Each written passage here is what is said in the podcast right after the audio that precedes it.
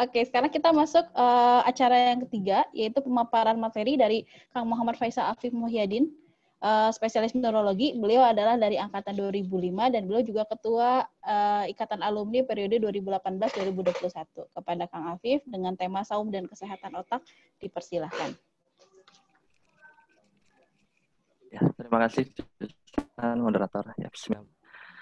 Ya, seperti yang sudah dipaparkan dari awal, uh, sesuai dengan tema yang saya bawa, Bismillahirrahmanirrahim, saum dan kesehatan otak. Ya, mungkin uh, tema ini saya ambil karena memang sekarang kita sedang menjalani ibadah puasa Ramadan, di mana puasa Ramadan itu uh, dilaksanakan dalam waktu satu bulan ya, seperti yang kita tahu. Dan tidak banyak memang rata-rata banyak yang membahas tentang kesehatan puasa itu dikaitkan dengan seperti yang tadi uh, Kang Widi bilang lebih ke kesehatan kardiovaskuler, lebih menekan badan. Tapi sedikit sekali yang membahas tentang kesehatan otak. Makanya di sini saya mencoba untuk uh, apa ya memaparkan uh, bagaimana apakah ada hubungannya saum dengan kesehatan otak atau sebenarnya dengan kita saum otak kita makin lemot. Nah, ini kita akan bahas ya. Jadi seperti yang kita tahu saum atau istilahnya puasa atau istilahnya fasting itu sebenarnya uh, memiliki arti tersendiri secara uh, uh, menurut jurnal dari uh, nutrisi bahwa puasa itu adalah uh, menahan makan minum secara sukarela. Jadi menyengaja uh, kita untuk tidak makan minum. Waktunya kapan? 12 jam sampai dikatakan 3 minggu. 3 minggu. Kita uh, berpuasa di negara tropis kan rata-rata 12 jam ya bahkan lebih dan lamanya kita berpuasa di bulan Ramadan ini ya sekitar satu bulan itu juga lebih dari tiga minggu. Dari dari apa? Dari pola makan normal biasanya seperti kita tahu pola makan biasa normal itu ada makan paginya ada makan siangnya ada makan malamnya selingan pagi sama selingan siang dan itulah uh, pola normal kita makan yang sebenarnya. Makanya kalau saya selalu bilang makan yang paling bagus tuh yang gimana ya makan yang orang uh, yang menjalin apa uh, yang diabetes karena tadi ada makan paginya, makan siang, makan siangnya, makan malamnya dan selingan pagi dan selingan uh, apa nah, selingan sorenya gitu. Dan puasa ini berbeda dengan, dengan kelaparan ya. Karena tadi kalau puasa itu ada apa ya, ada aspek kesengajaan dengan sukarela kita tidak makan dan minum sedangkan kalau kelaparan uh, sering kali dikaitkan dengan akibat dari misalkan adanya sebuah wabah atau misalkan dalam peperangan yang memang uh, tidak menemukan makan minum sama sekali ataupun di sana kalau nanti saya bahas selanjutnya ada aspek niatnya kalau saya bilang. Nah puasa di pada umat Islam tadi eh, salah satunya ada puasa Ramadan, puasa Daud, puasa Senin Kemis, ada puasa tengah bulan dan puasa yang lain dan itu semua uh, adalah puasa dan di mana waktunya rata-rata 12 jam. Dan tadi selain uh, puasa itu ibadah ya uh, dan ternyata ada manfaatnya tadi untuk organ-organ kita. Kita harus tahu dulu nih otak otak itu apa sih? Ya seperti kita tahu dan hal yang lumrah otak itu terletak di tulang tengkorak yang sangat kokoh beratnya sekitar 1 sampai satu setengah kilo yaitu 20% dari berat badan tubuh dan termasuk organ yang boros oksigen. Dia mengkonsumsi sekitar 20% dari konsumsi dari apa yang didapat oksigen yang didapat oleh tubuh. Dan pusat kendali dari tubuh manusia dan berisi juta miliaran sel otak yang bekerja setiap detik tiada henti jangan salah saat tidur pun kalau kita rekam otak menggunakan EEG itu ada gelombang otaknya. Sedangkan kalau misalkan seorang ketika direkam menggunakan EEG tidak ada gelombang otaknya berarti sudah meninggal. Jadi walaupun kita tidur tidur, otak tetap uh, apa, bekerja atau berfungsi. Makanya tadi di uh, eh, EEG itu ada gelombangnya. Nah, seperti kita tahu bahwa sel otak yang sudah rusak itu tidak bisa beregenerasi, tidak bisa kembali lagi. Tapi konektivitas atau antara sel-sel otak sendiri itu itu yang bertambah banyak. Jadi seiring usia itu akan sel otak akan menurun, sedangkan konektivitasnya itu yang akan bertambah. Dan inilah konektivitas inilah yang menjadikan seorang manusia ini menjadi seorang yang uh, bermanfaat bagi orang lain. Karena apa? Tadi bisa berpikir cepat bisa berkreasi dengan baik bisa uh, memutuskan segala sesuatu dengan cepat. Itu. Nah balik lagi tentang puasa. Puasa dengan niat yang ikhlas dengan mengharap ridho Allah ya seperti kita di bulan Ramadan ini selain mendapat pahala juga mendapatkan kesehatan yang maksimal. Nah, uh, uh, bagi tubuh kita penting berniat ya. Jadi kalau misalkan uh, kalau kita ingat dulu masih kecil kalau mau puasa harus niat dulu ya biar segala sesuatu yang dilaksanakan bisa terlaksana dengan baik segala sesuatu di namamu diniat segala sesuatu tergantung niatnya gitu tentu akan berbeda ketika seorang berpuasa dengan niat yang baik dengan puasa dengan berpuasa yang tidak berniat. Artinya asa nggak akan makan lah gitu. Nah, di situ ada organ yang namanya hipotalamus itu sudah ada di bagian tengah-tengah otak di mana di sana itu mengatur metabolisme tubuh. Dan ketika berpuasa dengan niat yang ikhlas maka fungsi dari hipotalamus itu akan mengeluarkan manfaatnya. Apa aja manfaatnya? Tadi saya bilang ada dua. Nah, tadi dengan niat yang ikhlas mempersiapkan bahwa hey, tubuh, ginjal, jantung, pencernaan uh, makhluk ini atau insan ini akan makan puasa, maka harus bekerja sama. Dan di mana kerjasama itu sebenarnya satu semua aliran darah dan nutrisi maupun oksigen dia akan memaksimalkan ke otak. Tadi dengan niat maka hipotalamus akan memerintahkan kepada seluruh tubuh terutama untuk aliran darah sehingga oksigen dan nutrisi itu ke otak. Dengan cara seperti apa? Satu, tadi aliran darah ginjal diperlambat. Yang kedua, dan jantung pun diperlambat.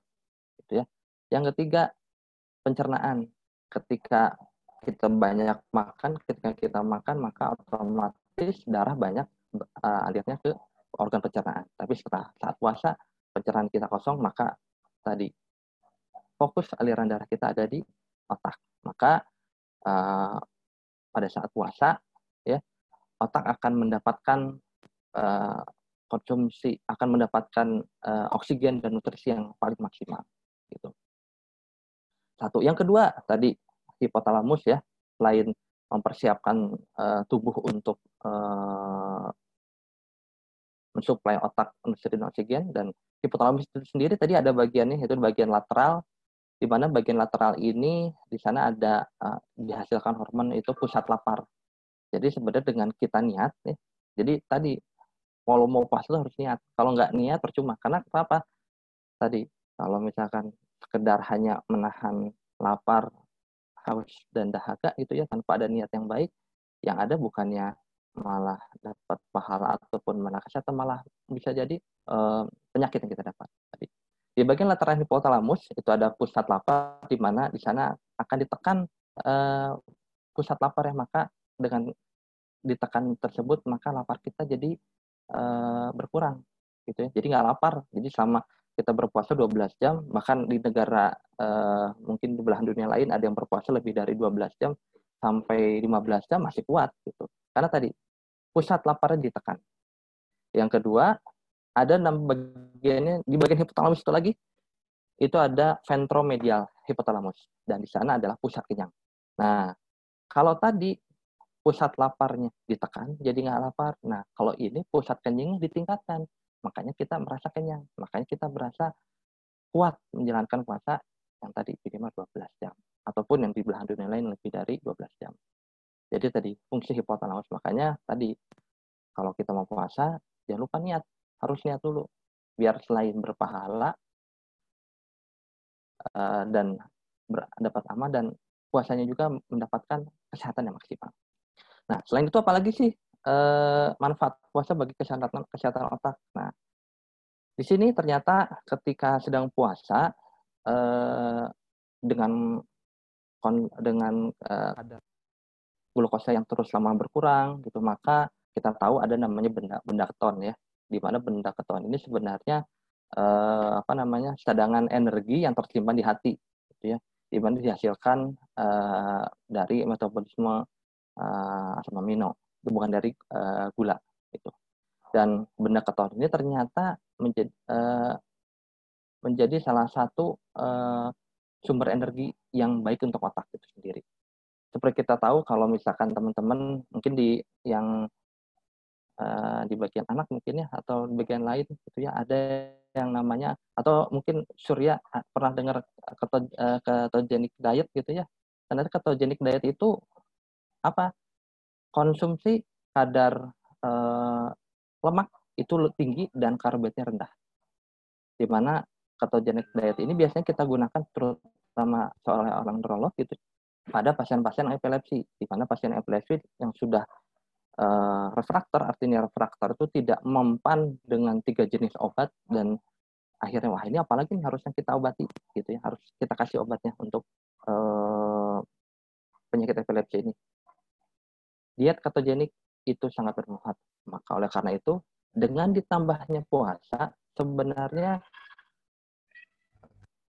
uh, ketonnya akan meningkat dan insya Allah uh, untuk recurrency atau uh, kejang berulangnya itu akan menurun. Itu. satu. Yang kedua, ternyata dengan puasa itu memperbaiki sel-sel otak.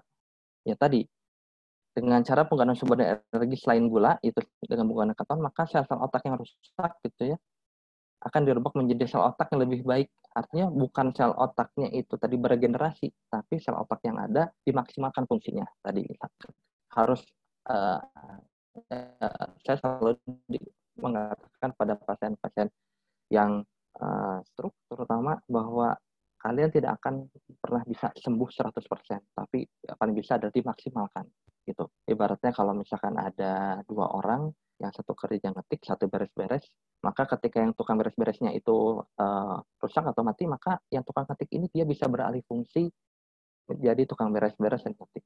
Ataupun sama halnya ketika kita lihat flash disk gitu ya, flash disk yang besarnya mungkin segede korek api, dulu ukurannya atau misal kapasitasnya 1 giga, sekarang bisa jadi 32 giga. Itulah otak kita. Ya.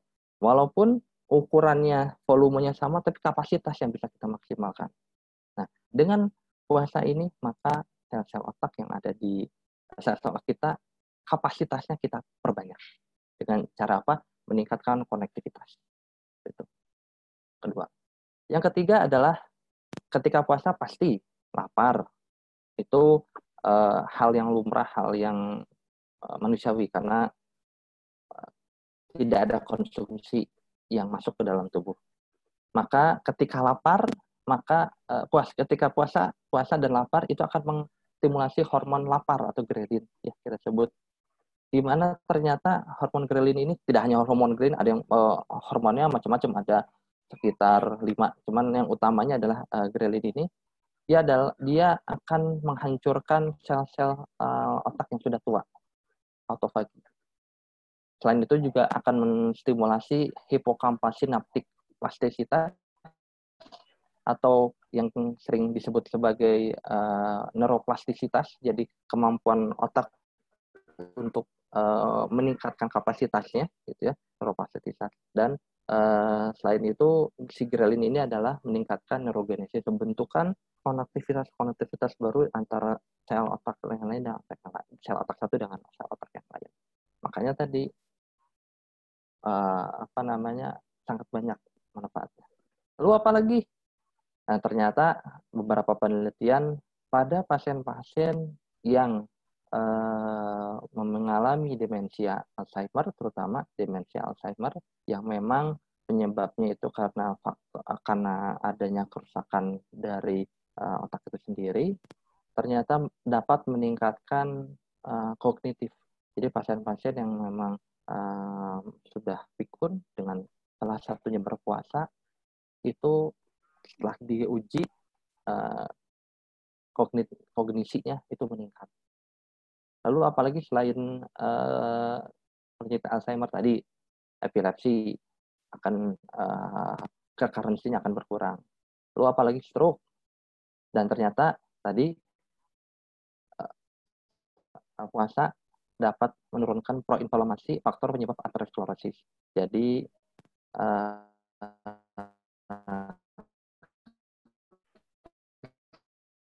seperti kita tahu bahwa salah satu dia akan menurun. Ya, tentu bukan puasa langsung menurunkan uh, atau misalkan uh, mencegah uh, stroke, tapi dengan puasa dia akan menurunkan tadi uh, mungkin uh, video sudah menjelaskan bahwa akan memperbaiki dengan menurunkan LDL, akan meningkatkan HDL seperti itu. Lalu apalagi fungsi fungsi saum untuk fungsi otaknya untuk kesehatan otak yaitu meningkatkan fungsi otak dengan meningkatkan jumlah organ mitokondria neuron. Jadi seperti kita tahu mitokondria itu merupakan penghasil energi. Sehingga ketika kita puasa sebenarnya uh, otak itu otak kita tuh lebih aktif, lebih lebih apa ya lebih lebih harusnya lebih banyak energinya yaitu yang di yang berada di mitokondria itu lebih meningkat. Selain itu jumlah protein otak itu ada namanya ada namanya BDNF atau disebut brain derived neurotrophic factor di mana akan meningkatkan uh, fungsi otak yaitu mengatur perilaku, sensorik, motorik, motivasi, daya ingat dan pembelajaran. Dan yang terakhir yang saya bisa rangkum uh, hubungan saum dengan otak adalah dengan uh, saum itu ternyata terbentuk rute jaringan baru yang di mana pada uh, pada saat dewasa otak sudah tidak ada tapi rute atau jaringan atau link-link atau sinaptik sinaptik ini yang harus diperbanyak sehingga dapat bentuk pribadi yang baru secara biologis, psikologis dan fungsional. Makanya sangat tepat sekali nih selalu uh, para ulama menyatakan bahwa saat puasa, terutama bulan Ramadan, adalah saat di mana kita ditempa, digembleng, di kawasan dan di muka untuk menjadi sebuah, uh, seorang insan yang baru. Gitu ya. Uh, sama halnya seperti uh, binatang, kupu-kupu, dia mengalami bentuk kepompong gitu ya dari telur ulat lalu kepompong dan di kepompong itu maka menjadi kopi juga. Setelah kita berpuasa kita harus menjadi pribadi yang uh, murni kembali. Makanya di saat yang fitri itu uh, sudah tidak ada dosa sudah tidak sudah bersih lagi. Karena tadi seharusnya puasa itu dapat dapat membentuk pribadi yang baru secara biologis psikologis dan punya apa tadi? Membentuk rute atau sinaptik atau jarak-jarak yang baru yang ada di otak itu sendiri. Ingat, bukan selnya tapi sejarahnya. Ya. Beberapa uh, contoh yang terdapat pada ulama dahulu, rata-rata uh, ulama dahulu ketika akan membuat sebuah apa ya kitab ya, menulis kitab itu biasanya berpuasa dulu untuk lebih menjernihkan hati. Gitu. Sehingga otaknya juga lebih fresh dan menulis kitabnya juga lebih baik ya kalau orang sekarang mah apa gitu ya puasa tapi ya tadi harus ada uh, niat puasa mungkin itu yang bisa saya sampaikan dan mungkin ya waktunya juga sudah mendekati. Gitu ya itu yang bisa saya sampaikan uh, pada uh, kali ini tentang saum dan kesehatan kesehatan otak mudah-mudahan teman-teman sekalian bisa apa ya bisa mendapatkan dan mengambil manfaat dan hikmahnya dari saum ini. Enggak dikembalikan ke moderator. Ya. Hatur nuhun buat Kang Afif atas pemaparan materinya. Uh, dari sini yang bisa kita simpulkan adalah yang paling utama puasa itu harus diniatkan karena supaya kita tidak hanya mendapatkan lapar dan haus saja tapi bisa uh, mendapatkan nilai ibadah sekaligus bermanfaat bagi tubuh kita, terutama untuk otak, karena dengan uh, berniat kita memaksimalkan nutrisi supaya bisa ke otak dan juga uh, bisa juga memperbaiki fungsi-fungsi otak.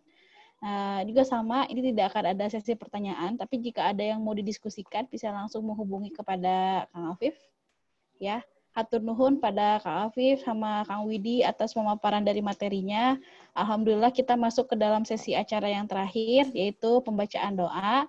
Untuk pembacaan doa ini mungkin saya minta tolong kepada Kang Rizky Perdana. Ini hapunten bari bari nyetir nggak apa-apa Kang?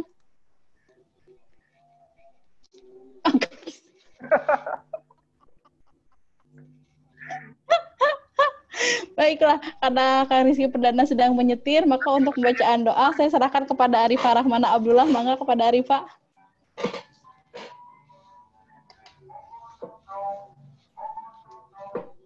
Kang Arifah, ada Kang Arifah? Wah, Kang Arifahnya juga nggak ada nih kabur. udah Kang Irwan tuh, udah siap-siap tuh. Baiklah kalau gitu ke Kang Ikip aja Kang Ikip ada Kang Kip Yatulizam sekalian perkenalan buat yang sepuh-sepuh mungkin tidak ada yang belum kenal sama Ikip. Kang Kip Yatulizam ada?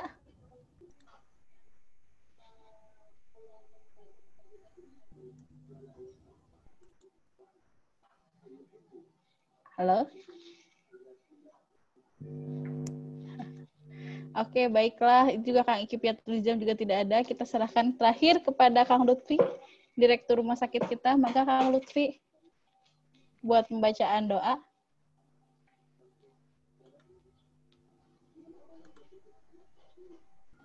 Wah ini mah Kang Lutfi harus ada nih, karena dia aktif di chat mah.